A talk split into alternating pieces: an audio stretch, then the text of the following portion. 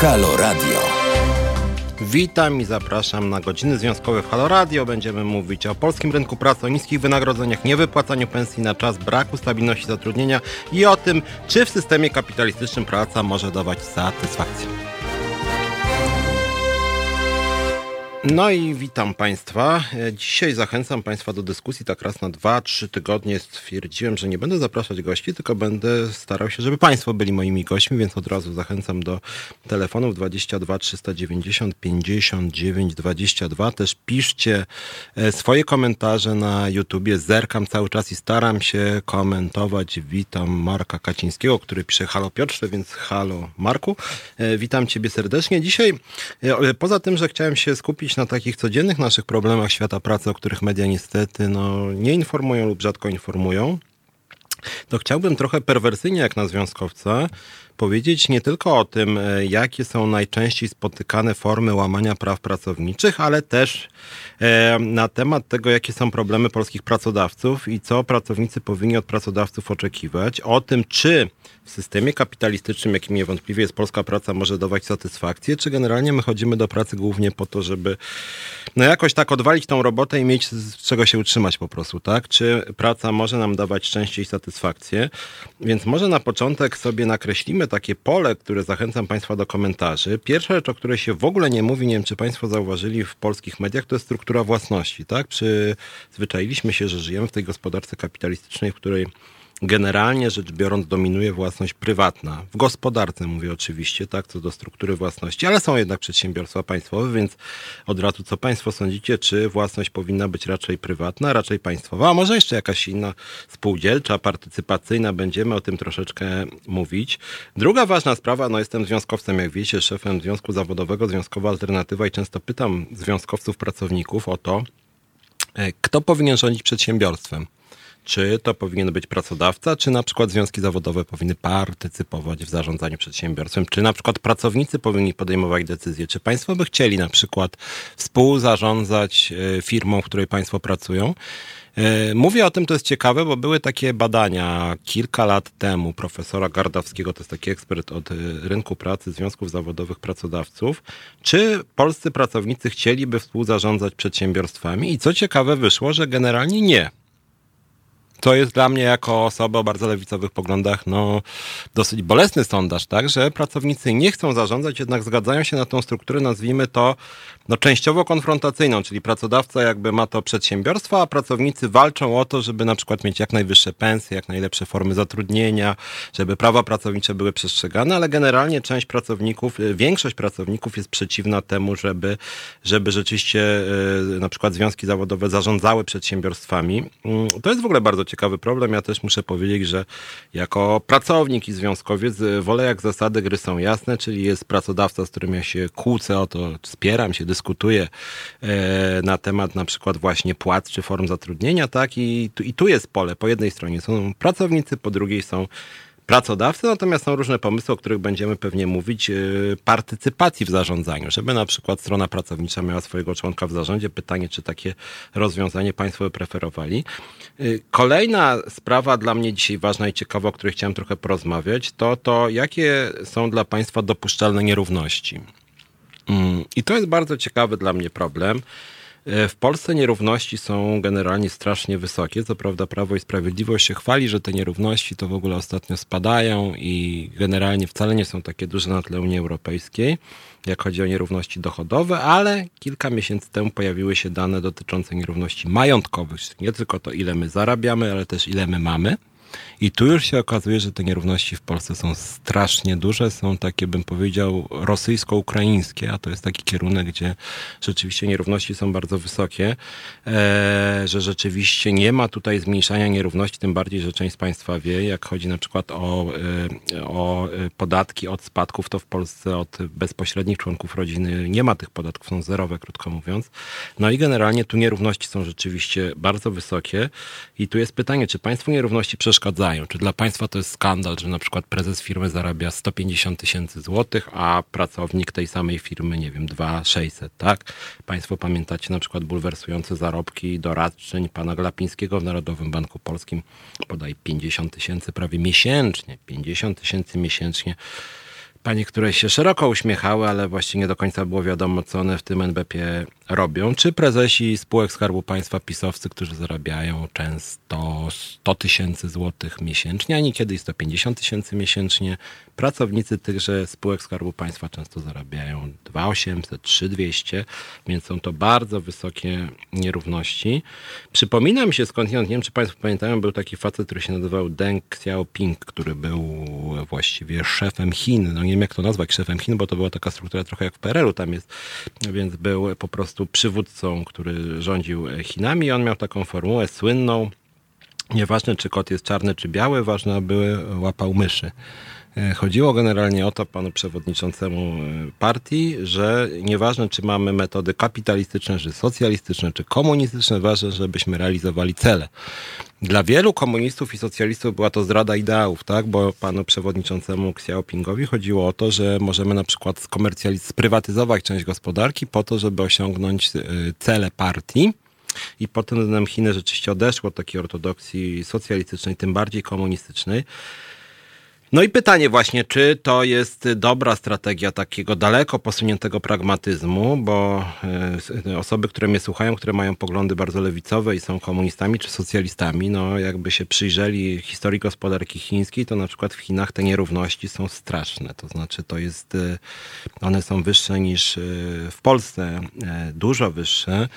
E, w związku z tym rzeczywiście no, to jest taki kompromis z kapitalizmem przewodniczącego partii komunistycznej Chin, no, który jest trudny do zaakceptowania, czy może być trudny do zaakceptowania. Więc też was zachęcam do takich komentarzy, jakby może e, kluczowy temat właściwie dla państwa. E, na ile w systemie kapitalistycznym praca może dawać satysfakcję? Czy, czy Państwo pracujecie w ogóle dla szczęścia, czy dla pieniędzy?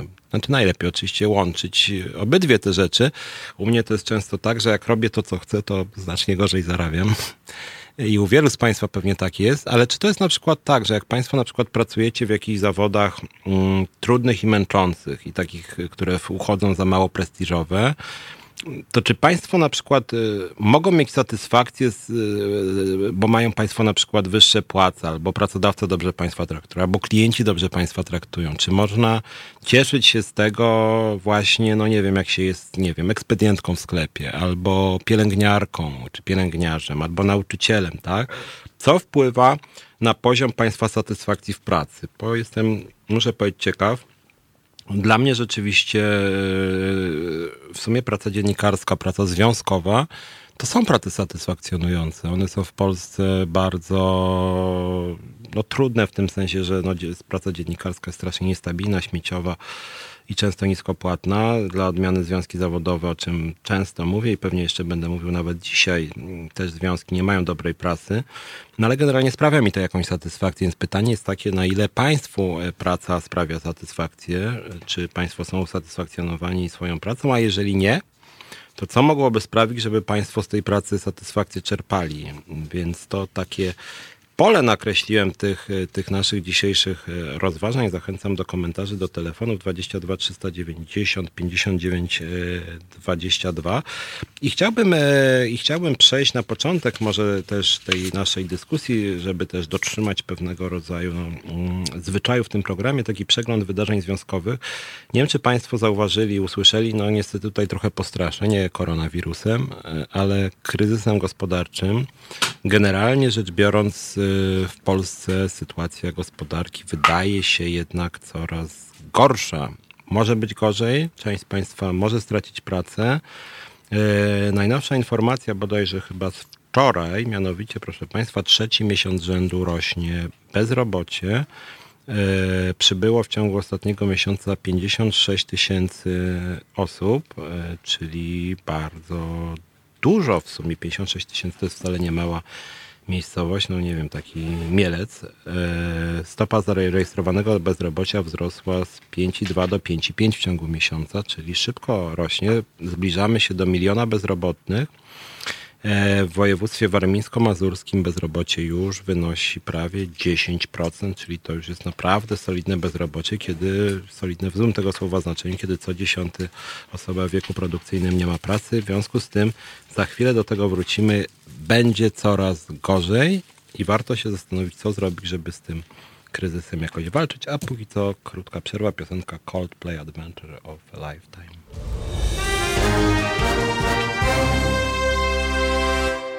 I wracamy. Piotr Szymlewicz, Halo Radio. Zachęcam Państwa do komentowania, pisania, dyskutowania. Rozmawiamy o pracy.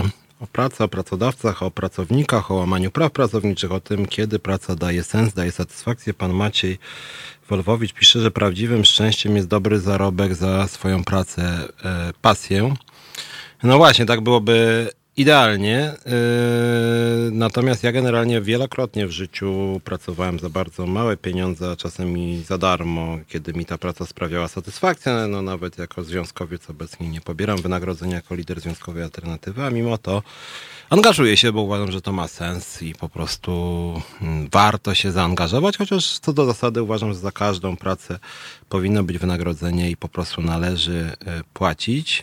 E, Agnieszka, ta najlepsza praca to taka, którą można by wykonywać za darmo. W Polsce praca jest niedoceniana, źle opłacana. No, o tym właśnie będziemy za chwilę mówić, jak w Polsce też praca jest opłacana i jak mogłaby być lepiej opłacana i co z tym fantem zrobić z tymi niskimi pensjami. Natomiast chciałbym trochę wrócić do tych tematów sprzed przerwy, które zacząłem mówić. Mianowicie trochę chciałem Państwa postraszyć czy ostrzec. Jak mówiłem, nie koronawirusem. Moim zdaniem tu jest trochę nadmierna panika. Ta panika może mieć bardzo realny wpływ na polską gospodarkę. Też nie wiem, czy Państwo mm, słyszeli, jakieś dziwne bardzo pomysły rządu są obecnie, żeby na przykład wszystkim na lotnisku mierzyć temperaturę.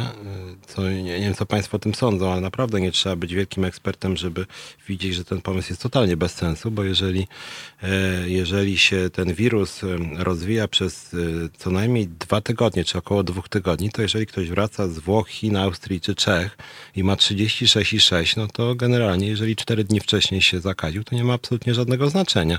A z drugiej strony, jeżeli ktoś komuś wyjdzie 37,8, to równie dobrze może mieć koronawirus, co grypa, anginę, zapalenie gardła. I jeżeli mu wyjdzie to 37,8, no to generalnie służy niczemu innemu, tylko panice. No a jeżeli się ktoś bardzo źle czuje, to i tak idzie do lekarza. Więc wydaje mi się, że w ogóle tego typu działania właśnie służą temu chyba chyba, żeby troszkę podkręcić atmosferę i zwiększyć panikę. No bo co, jeżeli ktoś kichnie w, albo zakaszle w, w samolocie czy pociągu, to co wszyscy mają się bać i wpadać w panikę? No generalnie wydaje mi się, że to nie są zbyt y, mądre rozwiązania, tym bardziej, że koronawirus z tego co przynajmniej mówią lekarze, jest podobnie groźny do zapalenia płuc czy grypy, czyli groźny, ale też no, nie jest to taka, taka zaraza, która od razu morduje tysiące, miliony ludzi.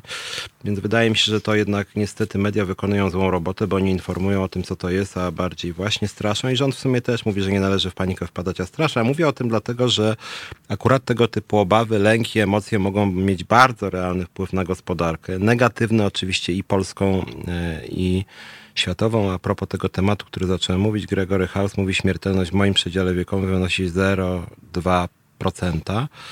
No więc generalnie nie za dużo, co nie znaczy, że trzeba to e, lekceważyć. Nie, oczywiście nie wolno tego lekceważyć, e, no ale generalnie rzecz biorąc co roku, co jest oczywiście smutne, by nie powiedzieć przerażające, jest bardzo dużo w Polsce na przykład ofiar grypy wśród szczególnie starszych osób, które są po prostu słabe, czy część jest też, e, też zapalenie płuc ma swoje ofiary, więc myślę, że tej paniki jest troszkę za dużo. Natomiast wracając do tematu stricte gospodarczych, mówiłem o tym, że bezrobocie rośnie i są takie bardzo niepokojące szacunki, że tak, Mamy wzrost bezrobocia, y, które już wzrosło y, do prawie miliona osób. Mamy wzrost inflacji i już są y, analitycy szacują, że inflacja ma być nie 3-4% w tym roku, tylko 3,8%, a żywności może być 7,8%, czyli bardzo dużo już. Jednocześnie wzrost PKB ma spaść i spada ta dynamika. Zapowiedzi są miało być prawie 4, będzie 3,5, a może być i 3 albo 2,5 ma spadać realna dynamika wynagrodzeń. W związku z tym część z Państwa straci pracę, część będzie miało obniżki i jeszcze na tak będzie duży wzrost cen żywności i w ogóle cen. W związku z tym, no niestety, to nie jest dobra wiadomość. Może być po prostu ciężki rok i te kolejne miesiące mogą być naprawdę coraz gorsze. Z takich newsów, newsów z ostatniej chwili, Państwo pewnie słyszeli, zrobił się duży szum, że pan prezydent podpisał e, ustawę o tak zwanej trzynastce nie wiem, co Państwo sądzicie, ale dla mnie to jest jakiś straszny populizm. To znaczy, no, ja bym chciał, żeby polskie państwo zapewniało e, osobom starszym, seniorom, szczególnie osobom z niepełnosprawnościami, ale w ogóle seniorom godną emeryturę. Ludzie pracowali 30-40 lat, zasługują na to, żeby odpocząć, żeby mogli sobie gdzieś wyjechać, mieć poczucie bezpieczeństwa e, a tymczasem państwo nie traktuje ich najlepiej. Natomiast myślę, że nie jest najlepszym pomysłem, żeby z okazji wyborów prezydenckich pan prezydent podpisywał ustawę, która tydzień przed wyborami daje ludziom po tysiąc złotych. No to Państwo wybaczą, ale mi się to trochę kojarzy z jakąś taką no, brutalną formą korupcji. To chyba Berlusconi z Włoch kiedyś naprawdę przed wyborami przesłał w kopercie dosłownie każdemu chyba po 300 euro. I to są moim zdaniem tego typu działania. I zamiast podnosić ludziom, e, emerytom, e, emerytury po prostu zwaloryzować, w sensie podnieść każdemu na przykład o 200 zł albo po 100 zł miesięcznie więcej, to władza postanowiła jednorazowo sypnąć, żeby pan Andrzej Duda wygrał wybory prezydenckie. Szczerze powiedziawszy uważam, że to jest radykalne psucie systemu, populizm, demagogia, nie rozwiązuje żadnego problemu.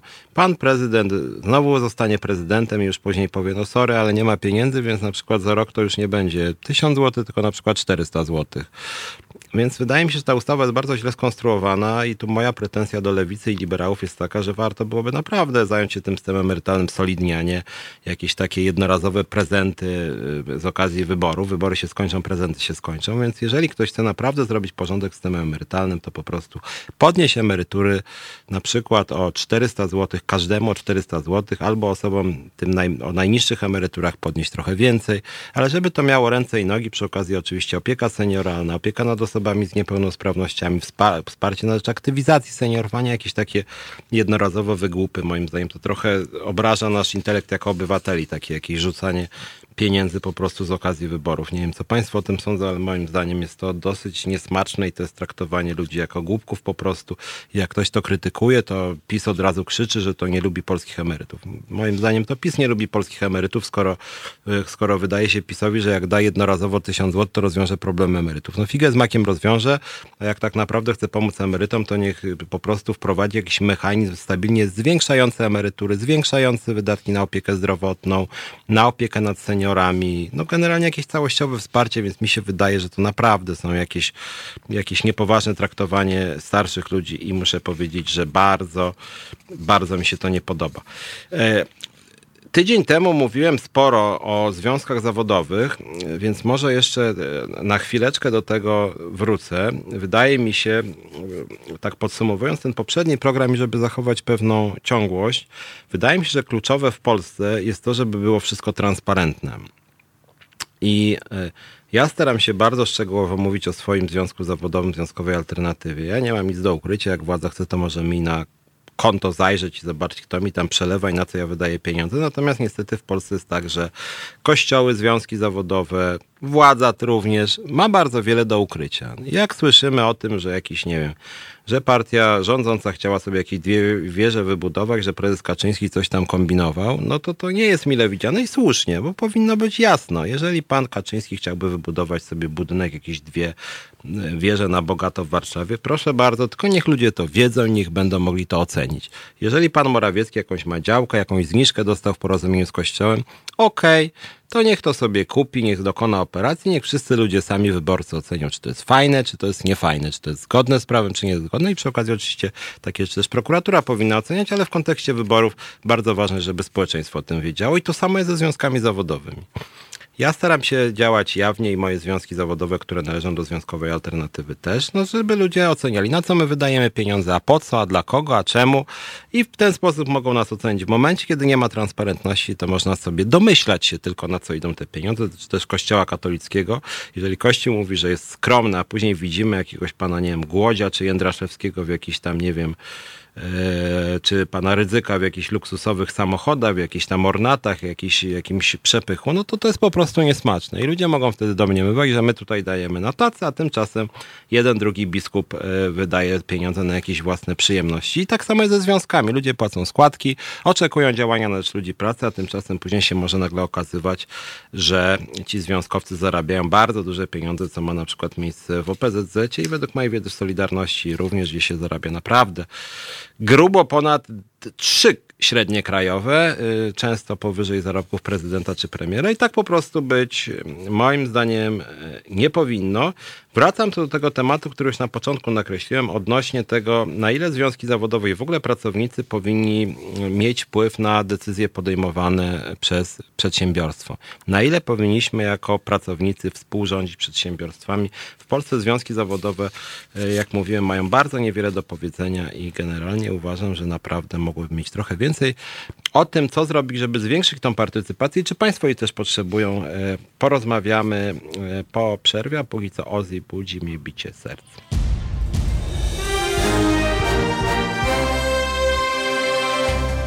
Halo Radio. Gadamy i trochę gramy.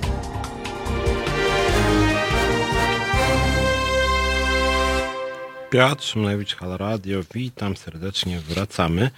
Bardzo zachęcam do słuchania Halo Radio i mojego programu i innych i zarazem wsparcia na Halo Radio, bo jest to inicjatywa obywatelska, więc utrzymujemy się z waszego wsparcia, więc zachęcam do wspierania. Zarazem sam mam taki cel też, że wspieram Halo Radio, a zarazem działam i w związkach zawodowych. Jeszcze mam magazyn dialogu społecznego Fakty i są małe portale lewicowe, Lewica.pl czy Strajkeł, więc jest takie pole mediów obywatelskich i gorąco zachęcam, żeby Państwo też jakoś się wspierali, a przy okazji też oczywiście zachęcam do wstępowania do związków zawodowych i do związkowej alternatywy, więc gwoli takiej reklamy też tak to planujemy robić, żeby te instytucje nawzajem do siebie odsyłały, żebyśmy wspólnie robili jakieś inicjatywy. Zresztą w tym temacie chciałem Państwa Zaprosić, jakby ktoś chciał, 2 e, marca o 11 na Trębackiej 4 będzie okrągły stół transportu lotniczego, gdzie będziemy mówić o problemach właśnie lotnictwa, o wyzysku w lotnictwie, o umowach śmieciowych w lotnictwie, o tym, czy CEPEK to jest dobry pomysł, czy zły. Nie wiem, czy Państwo wiedzą na przykład, jeżeli ktoś mieszka niedaleko Baranowa, czy na drodze, na której ma, ma biec kolej z Warszawy do Baranowa, to mogą się Państwo obawiać, że ktoś państwu dom e, wyburzy. I na dodatek jeszcze wczoraj pan minister Chorała ogłosił z uśmiechem, że coś trzeba zrobić z tym prawem, które zakłada, że państwo będą dostawać bardzo wysokie odszkodowania, że one są skandalicznie wysokie. Więc generalnie rząd ma chyba taki pomysł, żeby wyburzyć troszeczkę domów, wyburzyć troszeczkę mieszkań i generalnie rzecz biorąc zaoszczędzić na dawaniu odszkodowań. Więc jeżeli ktoś tutaj e, obawia się, że jego nieruchomość, jego mieszkanie, y, czy mieszkanie wynajmowane stoi na terenie planowanych, bym powiedział, inwestycji związanych z Centralnym Portem Komunikacyjnym, to radzę się zainteresować sprawą i radzę też i zapraszam 2 marca o 11 na Trębackiej 4, żeby Państwo przyszli. Tam będzie dużo różnych polityków, ekspertów, związkowców, pracodawców, żebyśmy właśnie porozmawiali o tym, co się wiąże z tym CPK-iem, z Modlinem, z Radomiem i generalnie z branżą lotniczą, którą jak Państwo wiedzą jest mi bardzo bliska. Jeśli chodzi o te sprawy związkowe, jeszcze z takich też y, newsowych y, kwestii, nie wiem, czy Państwo słyszeli ostatnio Piotra Dudę, taki mój w cudzysłowie ulubieniec. Y, w cudzysłowie ulubieniec, bo to też jest związkowiec, a przynajmniej za związkowca uchodzi. Moim zdaniem ze związkami zawodowymi niestety Piotr Duda ma wspólnego coraz mniej. A o ile ma, no to niestety trochę psuje wizerunek związków zawodowych. Y, może Państwo widzieli, że ostatnio pan Piotr Duda po raz kolejny pojawił się obok pana Andrzeja Dudy i co więcej powiedział, że Andrzej Duda to jest wspaniały prezydent, który wychodzi naprzeciwko interesom świata pracy, dotrzymuje słowa, jest godny zaufania i generalnie, że związkowcy była sugestia jasna, powinni go popierać. Nie rozumiem, szczerze powiedziawszy, Piotra Dudy, dlatego że nie wiem, czy państwo coś znaleźli. Jeżeli tak, to może niech państwo napiszą. Ale ja sobie nie przypominam, że Andrzej Duda zrobił cokolwiek dla ludzi pracy. Już pomijam różne inne jego, moim zdaniem, wygłupy e, i różne kompromitujące zachowania, w tym łamanie Konstytucji Rzeczpospolitej Polskiej, co jest no, chyba największą możliwą kompromitacją prezydenta kraju, ale jak chodzi o prawa pracownicze, no to co takiego zrobił pan Andrzej Duda? Jeżeli ktoś z kancelarii pana prezydenta teraz mnie słucha, to naprawdę zachęcam, żeby napisał, co takiego Andrzej Duda zrobił dla ludzi pracy, dla związków zawodowych, dla, nie wiem, pielęgniarek, nauczycieli, pracowników ochrony, pracowników socjalnych, pracowników wymiaru sprawiedliwości. Według mojej wiedzy pan prezydent y, Andrzej Duda y, generalnie angażował się w niszczenie wymiaru sprawiedliwości gdzie również dochodziło i dochodzi do łamania praw pracowniczych, tak, że na przykład ogranicza się prawa sędziego Juszczyszyna, który pensję ma mieć niższą, ma o 40%. Generalnie pan prezydent Andrzej Duda był przeciwny protestującym nauczycielom i jakby cieszył się, mam wrażenie, z tego, że oni nie dostali godnych podwyżek. Dostali też niższe znacznie wynagrodzenia konto strajku. W związku z tym ja też osobiście jako lider Związkowej Alternatywy pisałem do pana prezydenta Andrzeja Dudy, czy mógłby wesprzeć jakoś e, e, lidera Związku Zawodowego na poczcie Piotra Moniuszkę i prosiłem prezydenta, żeby zainterweniował, bo Moniuszko, który zresztą był w tym programie dwa razy, jest samotnie wychowującym ojcem 11-letniego syna, który no, stracił e, pracę, jeszcze tam były na dążenia do tego, żeby stracił mieszkanie ze strony poczty. Prosiłem prezydenta o pomoc w takiej sprawie, a tymczasem pan prezydent nic. Nic, znaczy Y, pan prezydent w takich sprawach odpowiada, że on jest niedecyzyjny, że to nie jest nie jego kompetencja, no ale jeżeli to jest nie jego kompetencja i on jest niedecyzyjny, no to wracam do wątku. To dlaczego w takim razie pan Piotr Duda tak bardzo dziękuję Andrzejowi Dudzie? O co tutaj chodzi? Mam wrażenie, że to jest po prostu jakiś polityczny deal. Bo nawet jak ktoś lubi y, Andrzeja y, Dudę i Piotra Dudę zarazem, y, no to nie wiem, co takiego Andrzej Duda zrobił dla ludzi pracy. Jak Państwo mają jakieś pomysły, co takiego pozytywnego Duda zrobił, poza tym, że podpisywał wszystkie możliwe ustawy Prawa i Sprawiedliwości, to niech Państwo napiszą może, bo ja przyznam szczerze, że pan prezydent się w ogóle na tym polu nie wykazał, ale to po prostu w ogóle inicjatywę ustawodawczą pan prezydent ma. W związku z tym mógłby coś zrobić, więc panie prezydencie, jeżeli pan chce przekonać do siebie pracowników, to wydaje mi się, że ja i tak nie będę za panem przepadał, bo pan robi dużo, moim zdaniem, złych rzeczy dla kraju, ale jeżeli pan chce przekonać ludzi pracy, to naprawdę niech pan przynajmniej cokolwiek zrobi. Nie wiem, ograniczy jakaś ustawa ograniczająca umowy cywilnoprawne, prowadzająca jakieś wyższe płace w jakiejś branży, jakiś układ zbiorowy, jakaś walka z dyskryminacją, a tutaj nic. Kompletnie, panie prezydencie, pan nic nie robi dla ludzi pracy i naprawdę nie wiem, dlaczego Piotr da pana popiera, poza tym, że no niestety reprezentujecie jeden obóz polityczny. Natomiast to, co też łączy Andrzeja Dudę z Piotrem Dudą, to jak e, Państwo wejdą sobie na stronę tysol.pl, to jest strona tygodnika Solidarność, czy na stronę po prostu solidarność.org.pl, no to wtedy, e, to wtedy Państwo zobaczą, że no Solidarność się interesuje głównie tym, jakby tutaj dowalić e, osobom nieheteroseksualnym, jakby tu pozachwycać się kościołem katolickim, w tym panem Jędraszewskim, którego Solidarność się otwarcie poparła w jego homofobicznych deklaracjach. E, poczytają sobie Państwo o żołnierzach wyklętych, o powstaniu warszawskim, o polskiej historii, a o prawach pracowniczych nie za bardzo, szczerze powiedziawszy, więc no, wydaje mi się, że Związek Zawodowy powinien przede wszystkim walczyć o prawa pracowników, w tym walczyć z dyskryminacją, na przykład ze względu na orientację seksualną, na pochodzenie, na kolor skóry, na wiek, płeć. E, I tutaj ja walki Solidarności w tej sprawie też nie widzę, bo zakaz dyskryminacji jest wpisany nie tylko w konstytucję, ale również w kodeks pracy, więc związki zawodowe w ogóle są organizacjami, które powinny być e, generalnie rzecz biorąc no, w tym sensie postępowe, tak? A jak ja czytam pana Piotra Dudę, że jest w pełni solidarny, na przykład był z księdzem Jankowskim, że Solidarność broniła tego pomnika, pomnika. Nie wiem, czy pamiętacie państwo, no, Jankowski naprawdę jest bardzo nieciekawą postacią, a mimo to był, a mimo to Solidarność go broni. Czy pan żyjący Jędraszewski jest również no, człowiekiem, nie chcę tutaj użyć jakiegoś brzydkiego słowa, ale no, niezbyt moralnym, niezbyt dobrym, mającym obrzydliwy przekaz, potwornie dyskryminacyjny, a Solidarność, proszę bardzo, tutaj nasz człowiek w ogóle wspaniały, y, ręce precz od Jędraszewskiego, mówię na Solidarność, więc tu jestem naprawdę bardzo, bardzo e, zdumiony.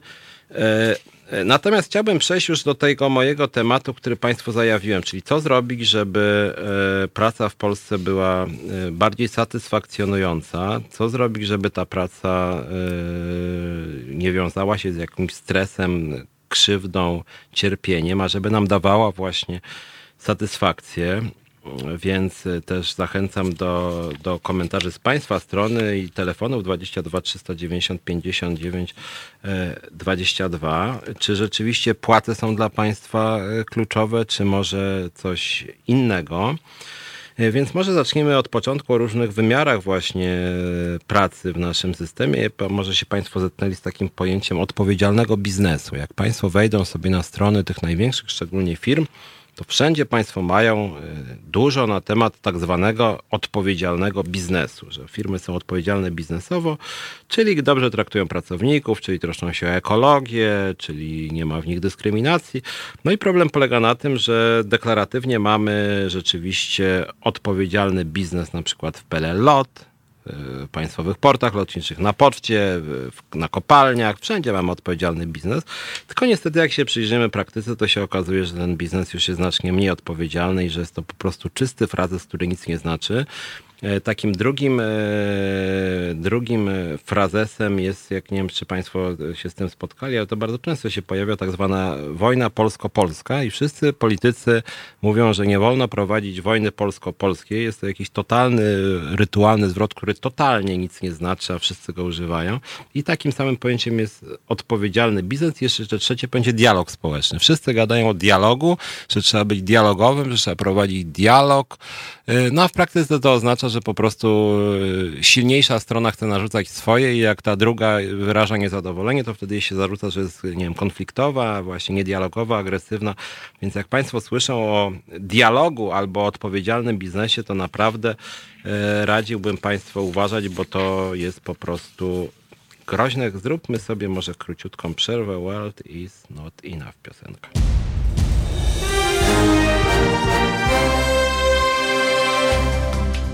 Halo Radio. Pierwsze medium obywatelskie.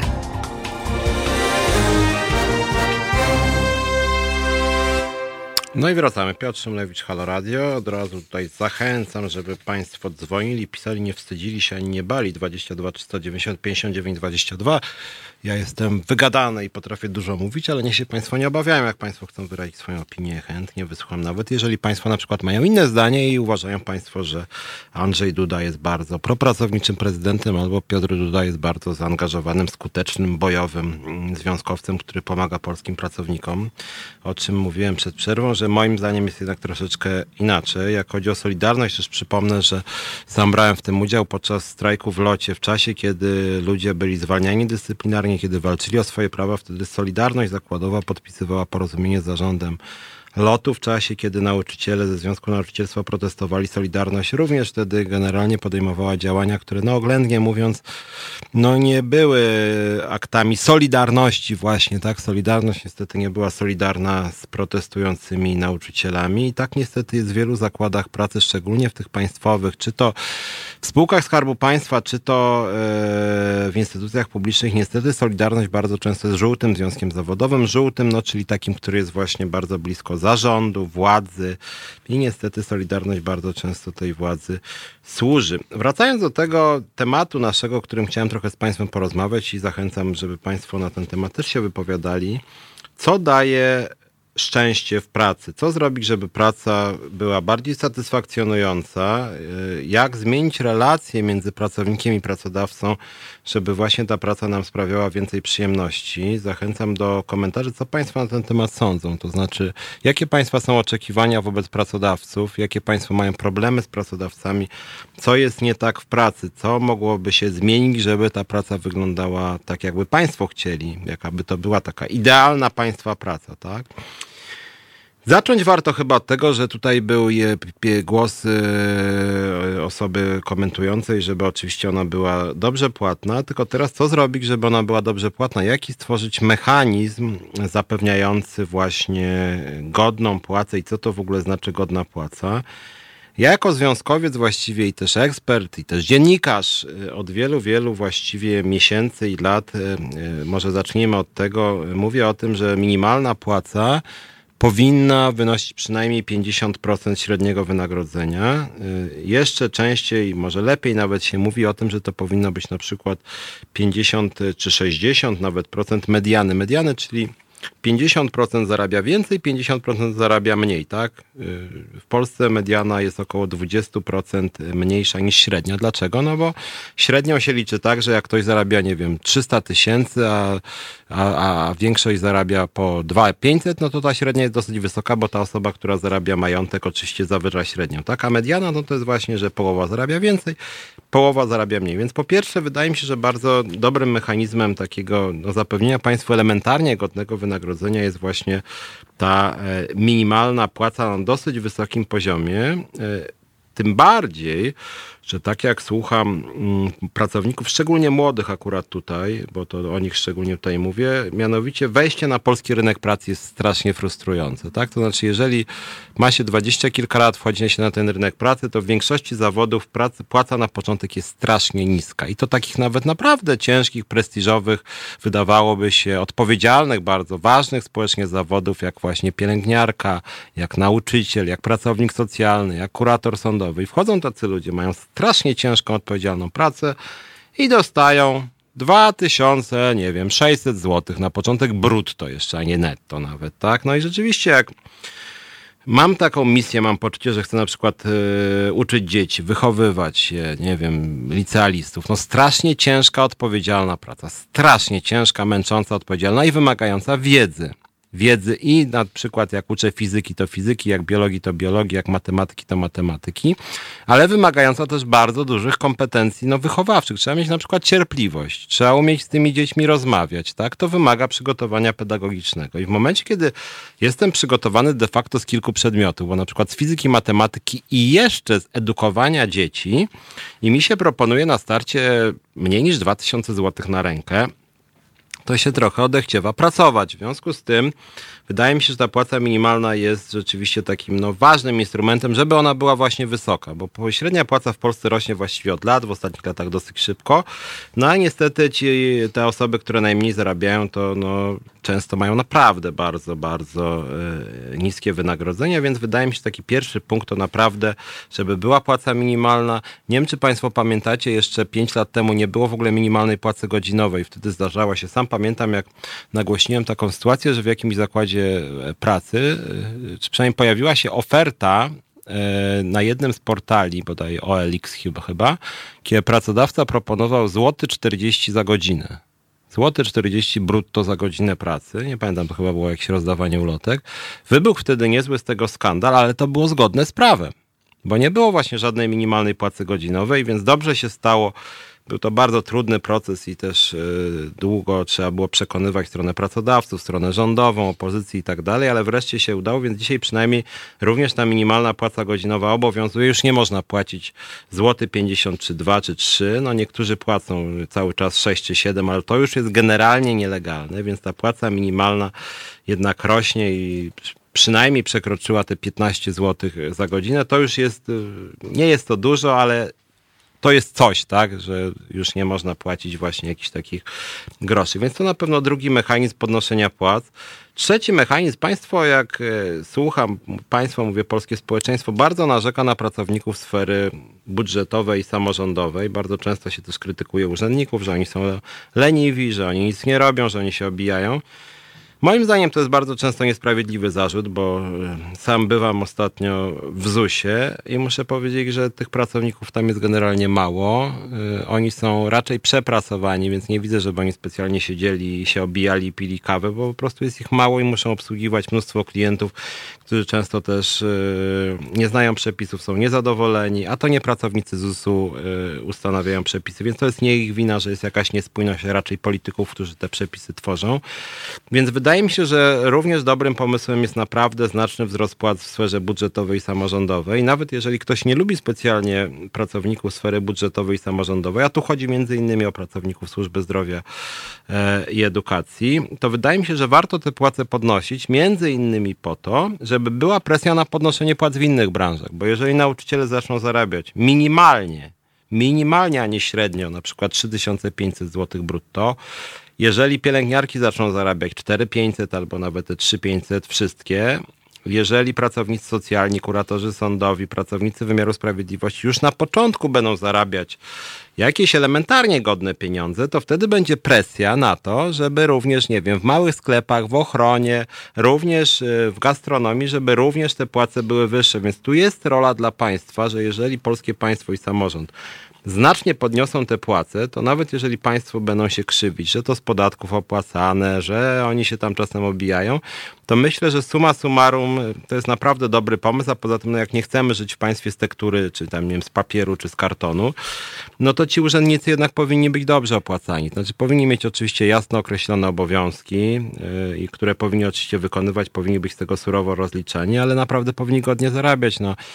W Polsce to jest tak trochę wszystko na niby. Państwo udaje, że płaci swoim urzędnikom, urzędnicy się migają i jeżeli dostają jakieś strasznie małe pieniądze, to czują, że są mało wartościowi dla państwa, więc też się nie będą tak wysilać. No i mamy taki zaklęty krąg źle funkcjonującego państwa, źle opłacanych urzędników, niskich płac, więc bardzo bym państwa przekonywał, żeby jednak państwo popierali wzrost płac w sferze budżetowej i samorządowej, no tym bardziej, że tak jak powiedziałem, większość pracowników służby zdrowia, szkolnictwa to są pracownicy sfery samorządowej, która jest jeszcze gorzej opłacana niż sfery państwowej.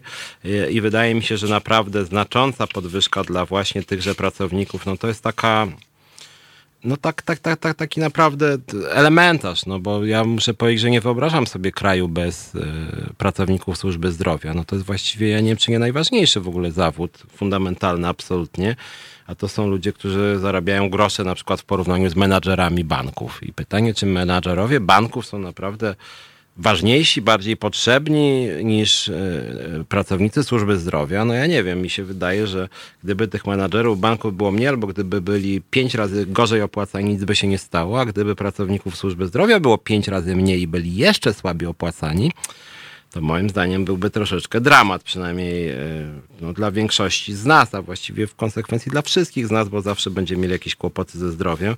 A mimo to w Polsce znacznie bardziej się ceni, no właśnie, nie wiem, menadżerów, prezesów spółek Skarbu Państwa, jakichś doradców tych prezesów. Więc coś tu jest na głowie, moim zdaniem, postawione i naprawdę wydaje mi się, że system płacowy powinien się zmienić. Krótka przerwa, za chwilę wracamy. Piosenka z September.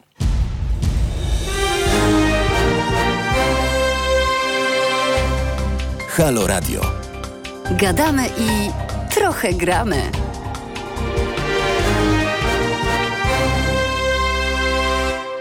I wracamy. Piotr Szymlewicz, Halo Radio co tydzień od 17 do 19. Zapraszam na dyskusję na temat polityki społecznej, rynku pracy, e, problemów związków zawodowych, różnych branż. Zapraszam tutaj bardzo często związkowców właśnie z różnych e, branż i poruszam problemy, które w mediach tak zwanych establishmentowych bardzo rzadko są poruszane. W ogóle nie wiem, czy Państwo zauważyli, media ostatnio działają no straszliwie już stadnie. To znaczy one od zawsze działają stadnie, ale teraz to jest jakoś wręcz histeryczne. To znaczy najpierw mieliśmy przez miesiąc wyłącznie wymiar sprawiedliwości. Wyłącznie. E, ja bardzo bronię sędziego Juszczyszyna i bardzo mi się nie podoba to, co robi PiS z wymiarem sprawiedliwości, ale było tylko o tym przez miesiąc, a teraz mamy tylko o koronawirusie i o niczym więcej. I jakby no, można dowolnie się starać, że prawda, mam newsa, bo nie wiem, jakiś jest, nie wiem, korupcja albo, albo niskie płace, albo nie wiem, kryzys światowy w gospodarce, to nie, koronawirus, prawda? Jeżeli się nie ma innego newsa niż koronawirus, to w ogóle nie ma mowy, żeby się przebić jakiegoś, nie wiem, Polsatu, TVN-u czy TVP. Tam różnie te sprawy są przedstawiane, no bo wiadomo, że niedługo pewnie TVP ogłosi, że za koronawirus jest odpowiedzialny Tusk, a w innych mediach będzie troszeczkę inaczej. No ale generalnie rzecz biorąc, poza koronawirusem nic się nie da powiedzieć, więc nawet, no, nawet sam o tym powiedziałem, chociaż uważam, że to akurat jest fakt, że, że koronawirus może doprowadzić do jakiegoś zwolnienia gospodarczego, bo może uruchomić jakąś panikę i na przykład spadek e, obrotu w handlu międzynarodowym, no bo już jakieś są sygnały, że nie wiem, że nie będzie się przyjmować samolotów czy pociągów z części krajów nawet europejskich, tak mówimy na przykład o Włoszech. Jeżeli koronawirus dotrze do Niemiec e, czy do Polski, to może w ogóle być jakiś e, kryzys uruchomiony, ale generalnie rzecz biorąc, jak ostatnio w jednej z telewizji widziałem, że jakaś pani migrantka polska mieszkająca we Włoszech i telewizja się z nią łączy, co ona czuje czy myśli. Sam się, no jaki to ma sens? Siedzi kobieta, nie wiem, gdzieś pod Neapolem albo Rzymem i dzwoni do niej telewizja i co pani ma do powiedzenia na temat koronawirusa? Jakby ona była ekspertką, jakby ona jeszcze była, nie wiem, no lekarką, albo ekspertką od jakichś tam, nie wiem, no właśnie tego typu, że tak powiem, żywiołów, tak, że się rozchodzi jakaś zaraza. Nie, po prostu migrantka ma gadać o koronawirusie. Zupełny absurd. Więc jakby niezależnie od tego, bo ja rozumiem, że jest jakiś lęk, że jest obawa, że ten koronawirus się rozchodzi, więc państwo, część szczególnie, która była niedawno na przykład we Włoszech czy w Chinach, troszkę się lęka, jak jeszcze ktoś tam pokasływał, to tym bardziej. Ja rozumiem wszystkie te lęki, ale no mimo wszystko naprawdę są sprawy inne też ważne zapewniam Państwa, najprawdopodobniej nie mają Państwo koronawirusa, nasi słuchacze, nie tylko nasi słuchacze. A nawet jeżeli by Państwo ten koronawirus jakimś cudem mieli, to też nie jest dla 99 z kawałkiem Państwa z Was wyrok śmierci. To jest poważna sprawa, ale też nie dla wszystkich, bo z tego co wiem, to jedni ciężej przechodzą, drudzy lżej, no ale w każdym razie naprawdę. Zwracajcie Państwo uwagę na różne inne sprawy, bo przypuszczam, że sprawa koronawirusa zniknie tak szybko, jak się pojawiła, a Kwestie związane z Państwa warunkami pracy, z tym ile Państwo zarabiają za godzinę albo miesięcznie, z tym czy Państwa pracodawca przestrzega praw pracowniczych czy nie, ta sprawa zostanie. No cóż, no są Państwo, będą Państwo pracownikami. 90, większość z Państwa może tak pracuje w ciągu życia, a nawet jak nie będą Państwo pracownikami, to będą Państwo się przejmować tym, czy Państwo mają wysoką emeryturę, czy niską, czy w ogóle mają tą emeryturę. A staram się też mówić o systemie emerytalnym, więc zachęcam naprawdę, żeby się Państwo interesowali nie tylko koronawirusem i nie tylko wymiarem sprawiedliwości. To są naprawdę ważne sprawy, ale no, nie tylko one się w życiu liczą i dla większości z Państwa inne też się liczą i będą liczyć. Wracając do naszego tematu dzisiejszego, to znaczy co zrobić, żeby praca była bardziej satysfakcjonująca, czy praca w systemie kapitalistycznym polskim kapitalizmie, może bardziej szczegółowo, może być satysfakcjonująca. I co Państwo sądzą? Mówiłem e, przed przerwą na temat płac, że generalnie rzecz biorąc, e, generalnie rzecz biorąc, e, warto dużo zarabiać. Pytanie, co to znaczy dużo? Jest tutaj dyskusyjne. Tutaj czytam komentarz Maciej Wolwowicz. Brak zjednoczenia społeczeństwa, poparcia walce o lepszy byt, brak szacunku między grupami zawodowymi. Każdy walczy tylko o swoje.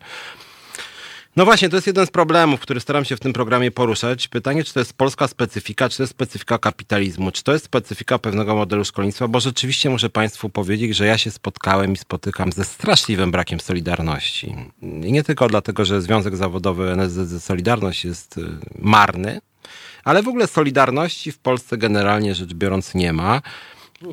Pytanie, czy to nie jest trochę część kapitalizmu w tym sensie, że że w kapitalizmie, no można powiedzieć, szczególnie no, w tym modelu, nazwijmy to naszej części Europy, jest bardzo dużo firm. Mamy dwa miliony, jeśli dobrze pamiętam, małych przedsiębiorstw bardzo trudno skoordynować walkę o prawa pracownicze między e, pracownikami w takich drobnych przedsiębiorstwach. Bardzo trudno jakąś akcję protestacyjną czy strajkową. Trudno o solidarność między, nie wiem, pracownikami kawiarni z Warszawy, nie wiem, informatykami z Wrocławia.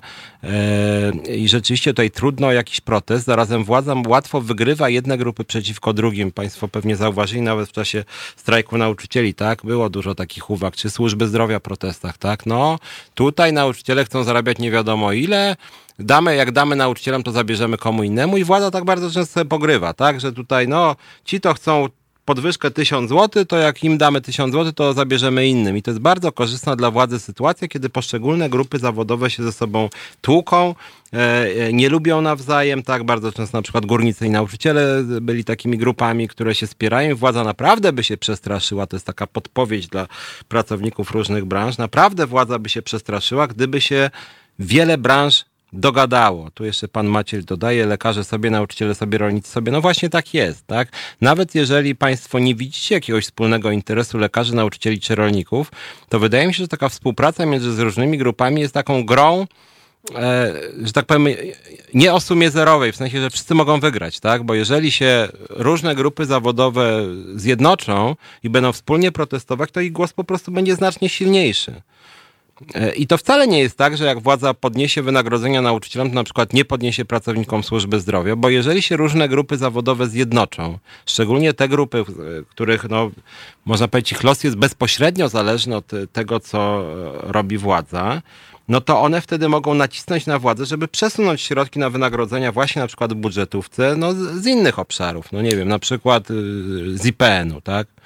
Y, na IPN idzie strasznie dużo pieniędzy, więc niech się przesunie pieniądze z IPN-u na przykład na wydatki na służbę zdrowia albo z TVP, tak?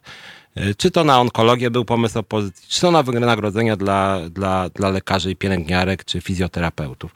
Więc wydaje mi się, że tutaj akurat się z panem zgadzam, mm, y, Maciejem, że, że ta solidarność jest bardzo ważna i przez brak solidarności rzeczywiście ludzie w Polsce też w sektorze publicznym szczególnie mało zarabiają. Jeszcze Gregory House, nie ma pracy u podstaw i edukacji, jest tylko darcie mordy i populizm. No może nie, nie, nie, wyraził tego, nie wyraziłbym tego tak brutalnie z tym darciem mordy, natomiast rzeczywiście problemem jest chyba to, że naprawdę system edukacyjny w Polsce kulei to nie tylko edukacja szkolna, mówię, bo tu chodzi głównie o podstawy programowe, ale też edukacja medialna. To, co mnie strasznie boli, staram się te braki e, jakoś w Haloradio między innymi e, tutaj wypełniać. E, mianowicie, rzeczywiście w Polsce w ogóle się nie mówi o kluczowych sprawach. To znaczy ani w szkole, ani w mediach głównego nurtu. Służba zdrowia, szkolnictwo, ekologia, zmiany klimatyczne, warunki pracy, właśnie umowy śmieciowe, no to wszystko, o czym staram się też mówić w Halo Radio, zresztą tu jest więcej tego typu programów, to właściwie nie ma w tych największych mediach. No więc co się ludzie mają, e, mają interesować tym, jaka jest skala umów cywilnoprawnych, skoro wiele osób w ogóle nie wie, co to jest umowa cywilnoprawna. E, co ludzie mają się przejmować brakiem związków zawodowych, jak ludzie często nie wiedzą, co to jest związek zawodowy i w ogóle nie wiedzą, że mogą do związków wstępować.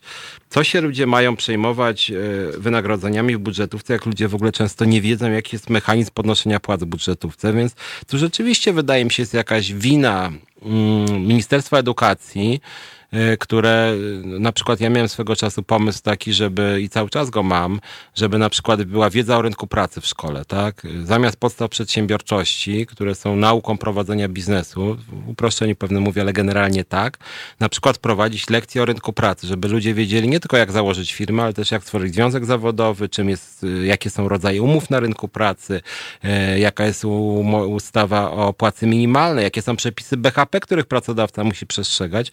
Takich rzeczy w Polsce nie ma, więc wydaje mi się, że jeżeli nas słucha jakikolwiek pracownik, pracownica ministerstwa, no szczególnie w tym wypadku Rodziny Pracy Polityki Społecznej, to naprawdę wprowadźcie jakieś godziny do szkoły, żeby były, e, żeby było więcej tego nauczania dotyczącego właśnie e, rynku pracy, związków zawodowych, byłoby naprawdę, wydaje mi się, że lepiej.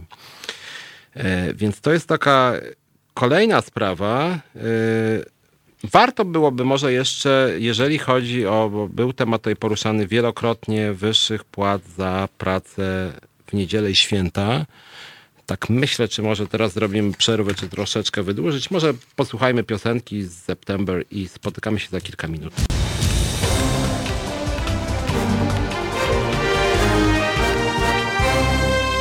Halo Radio.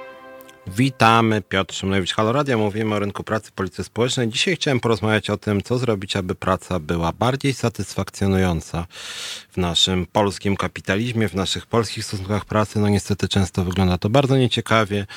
Pracownicy zarabiają mało, umowy są niestabilne, niestandardowe, w związku z tym no rzeczywiście nie wygląda to najlepiej. Zachęcam Państwa do telefonu, przypominam 22 390 59 22.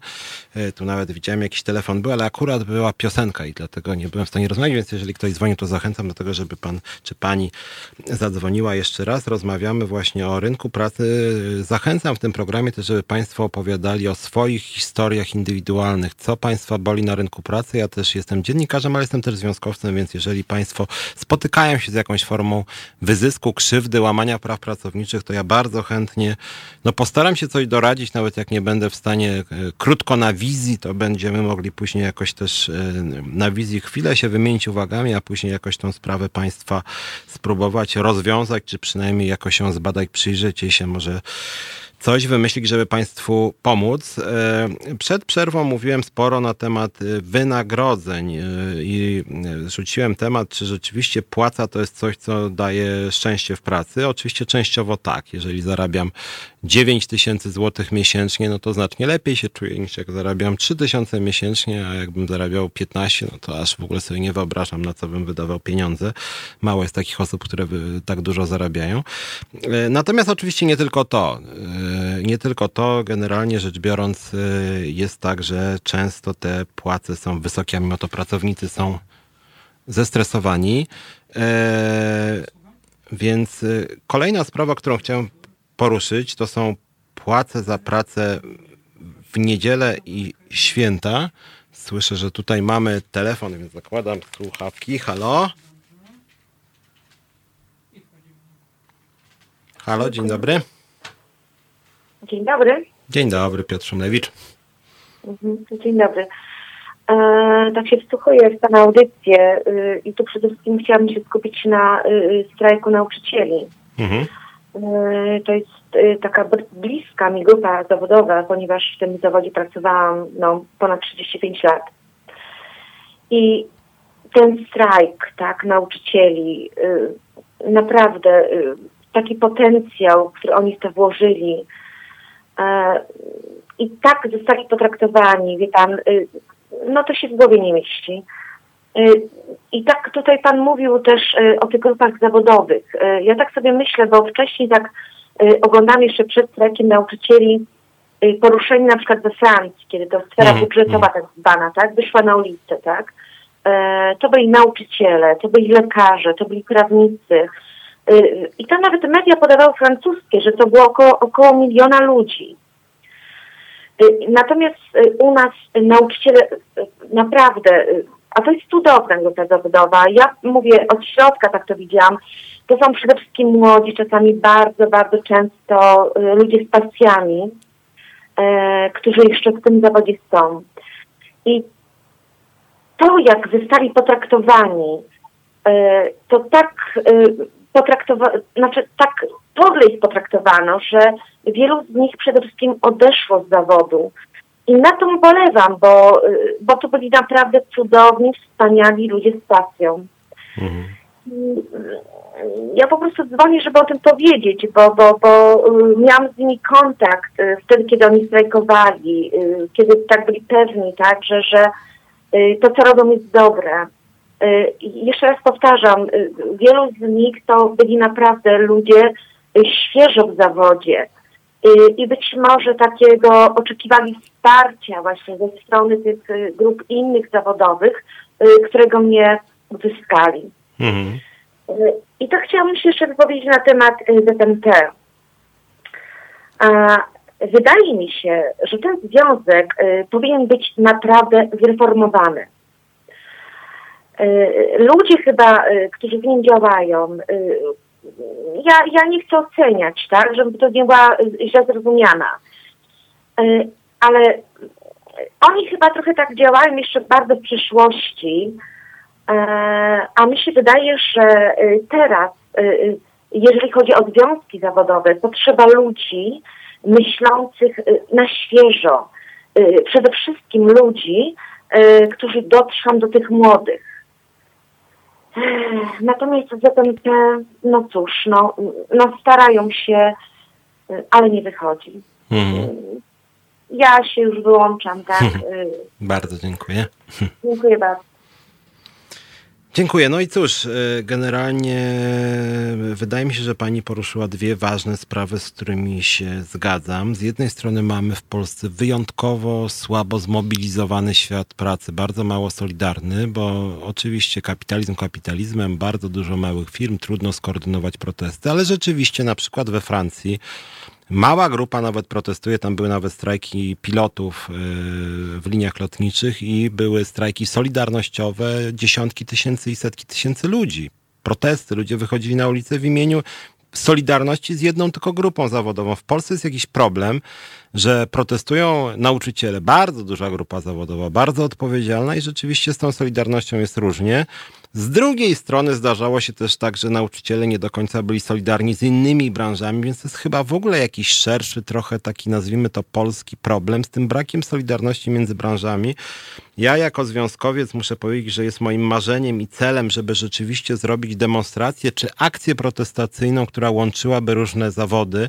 Będę o tym mówić w Halo Radio. Chciałbym rzeczywiście połączyć różne grupy zawodowe. Być może w kwietniu się uda zrobić jakiś protest. Myślałem, żeby na przykład zorganizować taki protest różnych grup dyskryminowanych, pokrzywdzonych przez władze, począwszy od pracowników wymiaru sprawiedliwości, przez pracowników poczty, kuratorów sądowych, pracowników socjalnych, e, pracowników służby zdrowia, tak, e, do nawet, no nie wiem, urzędników państwowych różnego rodzaju, tak. W związku z tym naprawdę wielu grupom źle się powodzi i warto koordynować te protesty. Natomiast jak chodzi o tą drugą sprawę Związku Nauczycielstwa Polskiego, e, ja generalnie rzecz biorąc E, e, współpracowałem przez kilka lat właściwie z ZNP, znam tych ludzi nawet część osobiście.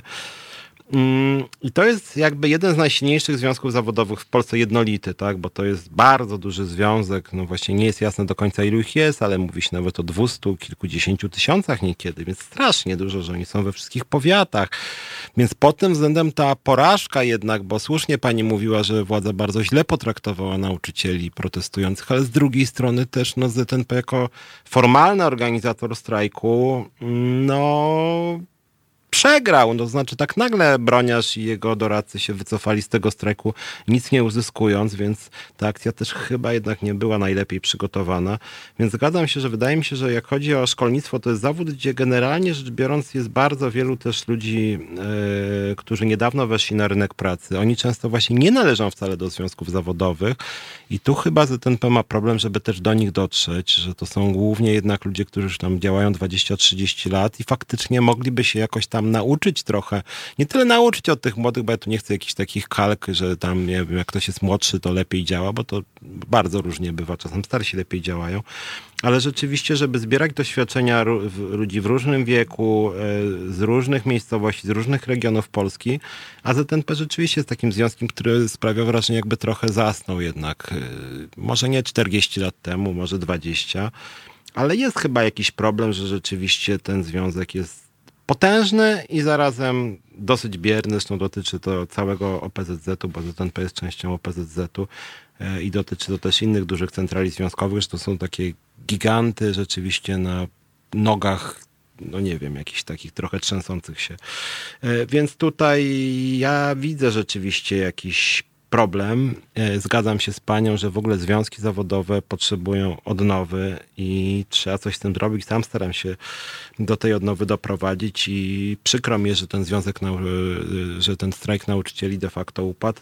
Trudno jest teraz się zorganizować jak mówię osobiście, nawet chciałbym zacząć od jakiegoś takiego protestu, no wcześniej, może bo 1 maja to jeszcze kawał drogi, więc być może jakoś na początku kwietnia zrobić taki protest właśnie pracowników socjalnych, pracowników poczty, e, pracowników wymiaru sprawiedliwości. E, jest parę takich grup co najmniej, którym naprawdę źle się powodzi e, i wydaje mi się, że warto byłoby coś tutaj zorganizować.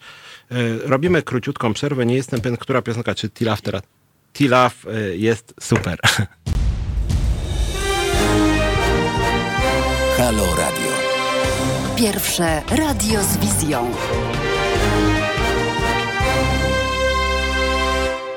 Piotr Szymlewicz, Halo Radio. Rozmawiamy o kluczowych problemach rynku pracy i polityki społecznej. Dzisiaj dzisiaj rozmawiamy o tym, co zrobić, żeby praca była bardziej satysfakcjonująca, jakie wprowadzić rozwiązania instytucjonalne, co zmienić w ustawach, na jakich sprawach się skupić. Przed przerwą mieliśmy telefon pani, która mówiła o no, takim dosyć brutalnym spacyfikowaniu protestu nauczycieli przez władzę mm, i też o braku solidarności i trochę o tym, że Związek Nauczycielstwa Polskiego jest trochę archaiczny i mógłby się zmienić. Teraz czytam tutaj Macieja Wolwowicza. Ciekawe, kto się ruszy z domu na taki protest. Chodzi tutaj o protest, e, który mówiliśmy przed przerwą, czyli różnych grup zawodowych, żeby on był bardzo szeroki. To jest oczywiście właśnie dla mnie jako związkowca jest to jedna z kluczowych spraw. Yy, rzeczywiście, no ma pan rację, jeszcze dopisuje w ogromie ludzi siła. Problem jest taki, że rzeczywiście ludzie nie widzą związku między swoimi interesami, tak? To znaczy człowiek, który pracuje w kawiarni, nie widzi wspólnego interesu z człowiekiem, który pracuje, nie wiem, w transporcie lotniczym, a ten nie widzi wspólnego interesu często z człowiekiem, który pracuje w górnictwie, w służbie zdrowia. No i tak każdy sobie rzepkę skrobie, a władza się cieszy, bo nie ma zorganizowanej siły protestu, więc wydaje mi się, i dlatego czasem w tym programie mówię o takich ogólnych postulatach rynku pracy, dlatego że są takie rzeczy, które powinny właściwie pracowników, nawet jak nie wszystkich, to przynajmniej większości branż łączyć. Tak zacząłem na przykład od płacy minimalnej, zacząłem od płac w budżetówce, y, mówię dużo o przepisach BHP. To są takie rzeczy, których właściwie wszystkie zawody mogłyby razem demonstrować. Tak? Wszystkim powinno pracownikom zależeć na tym, żeby płaca minimalna była wyższa. Wszystkim jako nam, obywatelom, powinno zależeć, żeby była wysoka jakość usług, a służba zdrowia i szkolnictwo to są strasznie ważne sprawy, które w jakiejś mierze dotyczą naprawdę nas wszystkich. Związku z tym, e, w związku z tym rzeczywiście wydaje mi się, że tutaj jest możliwy jakiś konsensus między wszystkimi grupami zawodowymi. Naprawdę warto byłoby wspólnie działać, również, no nie wiem, lepsze funkcjonowanie wymiaru sprawiedliwości jest ważne, e, e, wysoka jakość usług socjalnych, tak, bo wszyscy przecież kiedyś tam, większość z nas przynajmniej, tak, będzie seniorami, ci co w ogóle dożyją sędziwego wieku, no to ta starość często bywa ciężka po prostu, więc chyba dobrze byłoby, żebyśmy i dla siebie, i dla naszych rodziców i dziadków starali się, żeby oni godnie mogli przeżyć swoją starość, żeby państwo jakoś ich i samorząd chroniło, żeby mieli godne emerytury i zarazem e, zapewnioną godną opiekę. No a w Polsce z tym jest strasznie słabo po prostu. Ja na przykład tutaj był u mnie e, jeden z liderów Związku Pracowników, e, lider Związku Pracowników Socjalnych, który, którym zresztą też Związkowa Alternatywa współpracuje i aż po prostu nas obydwu dziwiło bardzo to, że Polsce tak mało ludzi interesuje się pracownikami socjalnymi. To jest strasznie odpowiedzialny i stresujący zawód. Oni strasznie mało zarabiają i po prostu bardzo trudno się przebić, że w ogóle jest taka z informacją, że jest taka grupa, która słabo zarabia, która ma problemy, której e, prawa są średnio przestrzegane, którymi władza samorządowa i państwowa się nie interesuje. To są w gruncie rzeczy straszne rzeczy. Ale przed przerwą się tak rozpędzałem, żeby wrócić do tematu, który jest dla mnie jakoś ważny i on po pojawia się też u mnie w Halo Radio, w tej audycji. E, I tutaj Państwa zdania według sondaży, przynajmniej tak jak je czytam, są podzielone. Mianowicie e, wypisałem tak sobie, jak się przygotowałem do programu, jak chodzi o bardziej godną bardziej satysfakcjonującą, tak, bo taki jest temat dzisiejszego programu, bardziej satysfakcjonującą pracę, to ja jak mantrę trochę powtarzam, że warto wprowadzić wyższe płace za pracę w niedzielę i święta niż za pracę w dni powszednie we wszystkich branżach na terenie całego kraju i że jest to lepsze rozwiązanie niż selektywny zakaz handlu ja, ja, ja, wiem, że Państwo mają różne zdanie, bo ja też rozumiem to, jak część z Państwa mówi, że warto mieć po prostu całkowicie wolny weekend. I ja przyznam szczerze, że szczególnie w ostatnich tygodniach muszę Państwu zdradzić, że mam ochotę tak dwa dni, dwa, nie jeden, dwa dni. Jeszcze lepiej byłoby trzy dni naprawdę sobie odpocząć e, i odpocząć sobie również, nie odbierać telefonu, bo nie wiem, czy Państwo wiedzą, na przykład w Danii dostaje się pieniądze za odbieranie telefonów z firmy i że to się liczy po prostu jako y, czas pracy. I w momencie, kiedy pracownik wychodzi od 8 do 16 pracuje i wychodzi z pracy o 16, to on, związki zawodowe wręcz naciskają, on musi wyłączyć telefon służbowy, a jak ma włączony, to powinien żądać pieniędzy.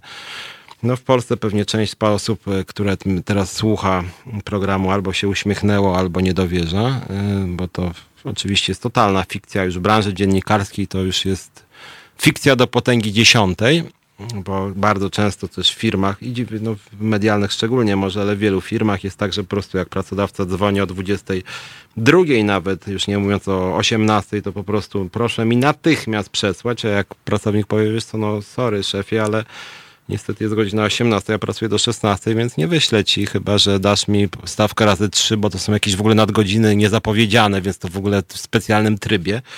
No w Polsce niestety nie ma w ogóle takich historii, nie spotkałem się z czymś takim. No ale wracając do tematu, generalnie sam bym czasem, czy często nawet chciał mieć jakiś wolny weekend. Ja rozumiem pracowników, którzy, którzy chcieliby mieć wolne niedzielę i rozumiem jakby intencje tych, którzy mówią o jakiejś formie zakazu pracy w niedzielę. Tylko problem polega na tym, i dlatego często do tego wracam, że ta polska konstrukcja ustawy o handlu w niedzielę jest jakaś absurdalna po prostu, bo to nie jest żaden zakaz handlu, tylko zakazuje się pracy akurat w tych placówkach, które najlepiej płacą, w których jakość towaru jest najwyższa, w których prawa pracownicze są jako tako przynajmniej przestrzegane, a promuje się te sklepy, w których prawa pracy są łamane, stawki e, za pracę są bardzo niskie, jakość towarów jest niska i generalnie wszystko jest słabe po prostu, dlatego że PiS ciągle mówi, że on chce wesprzeć te małe sklepy, jakieś rodzinne, nierodzinne, osiedlowe, a zakazać tych dużych. No w tych dużych akurat jest jakby no lepiej to wszystko wygląda pod kątem przestrzegania praw pracowniczych, lepiej się pracuje.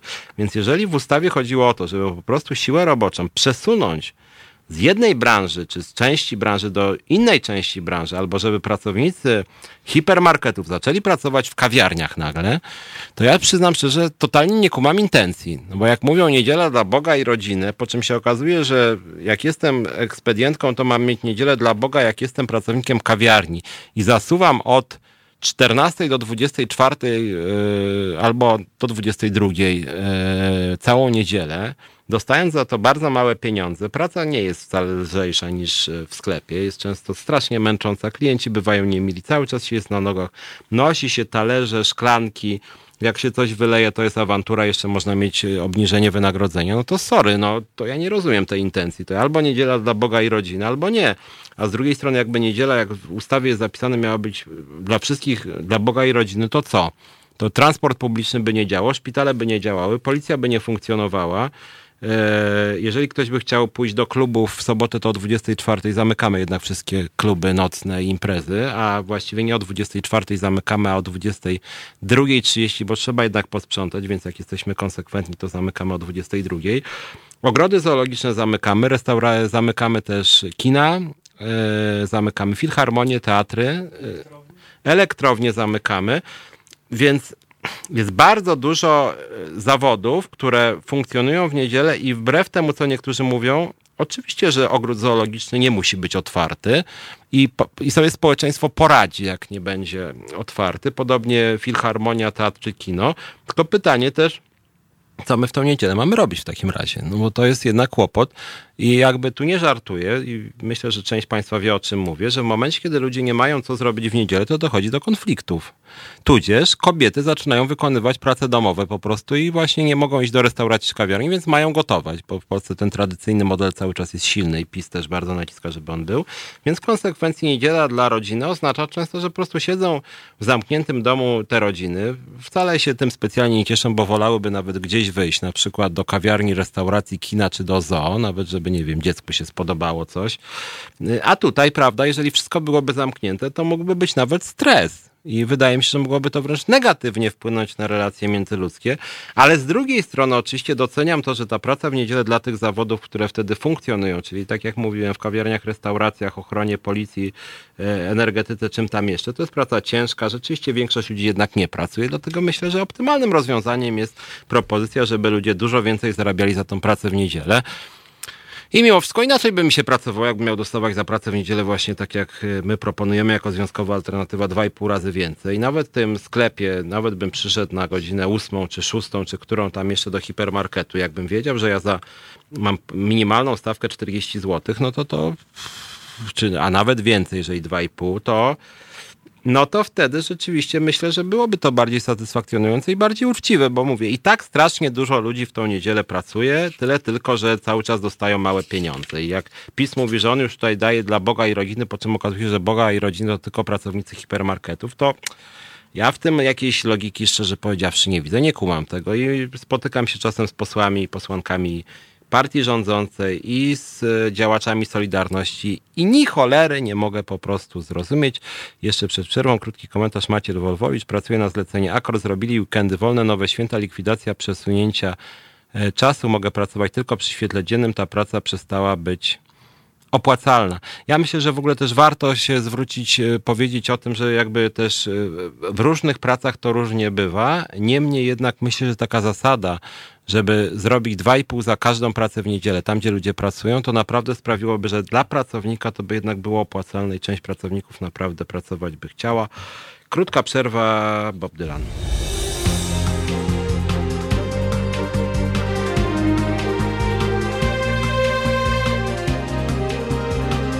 Halo Radio.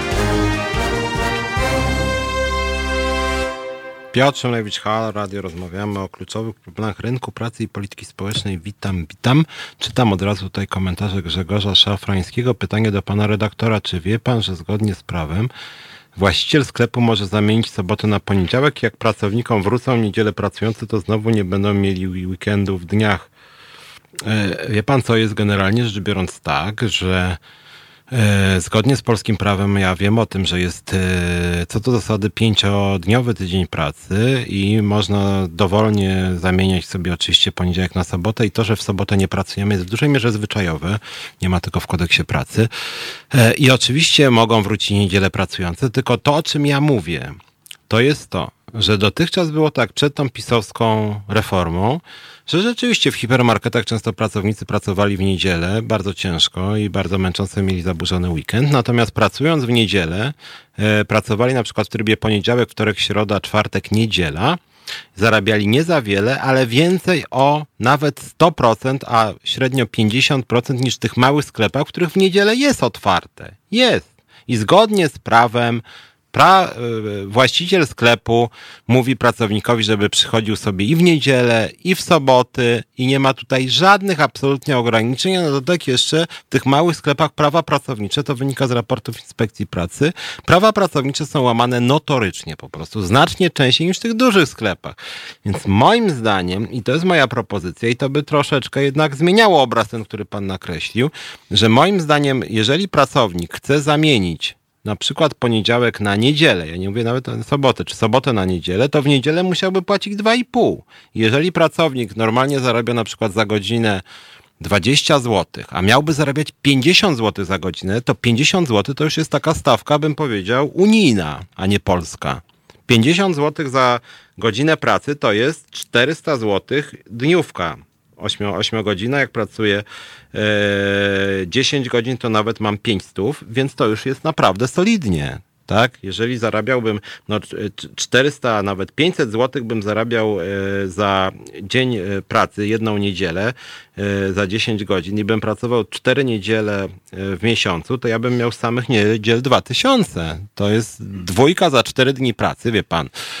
Szczerze powiedziawszy, zdarzało mi się w życiu nieźle zarabiać, ale uważam, że to jest bardzo solidne wynagrodzenie. W związku z tym naprawdę uważam, że, e, że warto po prostu. E, Marcin Nembrowicz, dniówka 400 zł, ha, ha, ha. No, no tak, właśnie dzisiaj moim zdaniem to jest ha, ha, ha, ale gdyby rzeczywiście wprowadzić, wprowadzić 2,5 razy wyższe wynagrodzenie za pracę w niedzielę, to skutki byłyby takie, że część, te małe sklepy po prostu byłyby zamknięte. I okej, okay. nie musi, może być niedziela dla Boga, rodziny, seksu i czego tam jeszcze, a te większe sklepy moim zdaniem by płaciły. I taka, mówię, taka, nie wiem, centrum typu jakaś Galeria Północna, czy Arkadia, czy co tam jeszcze, im by się opłacało, bo były bardzo duże obroty i nawet te płace dla pracowników 2,5 razy wyższe po prostu by im się kalkulowały. A jakby się im nie kalkulowały, to niech będą zamknięte, no nic się nie stanie, tak? E, Grzegorz Szafrański, które pozostali domownicy e, e, mają wolną sobotę, niedzielę i praktycznie każda sobota jest pracująca. Znaczy generalnie rzecz biorąc, ja nie mam nic przeciwko temu, żeby traktować niedzielę jako jakiś szczególny dzień tygodnia. Jakby jestem zupełnie niereligijny, tylko jest po prostu taki, że tak powiem, zwyczaj kulturowy, nie mam przeciwko niemu nic, że wybieramy sobie jeden dzień tygodnia, w których większość ludzi nie pracuje i okej. Okay. I właśnie dlatego uważam, że, że, że jeżeli już niedziela jest tym dniem, który żeśmy sobie jakoś tam uznali, że warto byłoby w jeden dzień odpoczywać, okej. Okay. Więc jeżeli już ktoś pracuje, to niech ma dużo wyższe wynagrodzenie, no bo nie mam nic przeciwko temu, żeby w niedzielę wiele branż nie funkcjonowało, tylko nie, jak już mają funkcjonować, to niech ludzie więcej zarabiają. Wydaje mi się, że to jest taki uczciwy ekwiwalent, a naprawdę y, czasem jest też tak i wiem to po sobie, że jeżeli na przykład w, nie, e, w niedzielę i w soboty też zamknięte są praktycznie wszystkie urzędy w Polsce, i e, takie różnego rodzaju instytucje, jak na przykład ZUS, są otwarte od 8 do 15 czy do 16, no to kiedy ja mam to załatwić? Mam brać urlop? to może właśnie jakbym popracował w niedzielę jeszcze za wyższą stawkę, a w poniedziałek bym sobie poszedł do urzędu i byłoby to dla mnie po prostu wygodne. Marcin Nembrowicz, żaden pracodawca nie zapłaci tyle nie w Polsce. Właśnie jakby nie zgadzam się z panem. Znaczy pracodawca zapłaci, jak mu się to będzie opłacać. Po prostu, jak mu się to będzie opłacać, wtedy zapłaci, więc naprawdę zachęcam do tego, żeby się nie bać odważnych rozwiązań. Mam sygnał, że muszę kończyć. Ta, ta, ta długa piosenka Dylana, że tak powiem, nas tutaj sprawiła, że niestety musimy kończyć, ale naprawdę zastanawiacie się nad tym, że inny rynek pracy jest możliwy. Kończymy, widzimy się za tydzień. Do widzenia.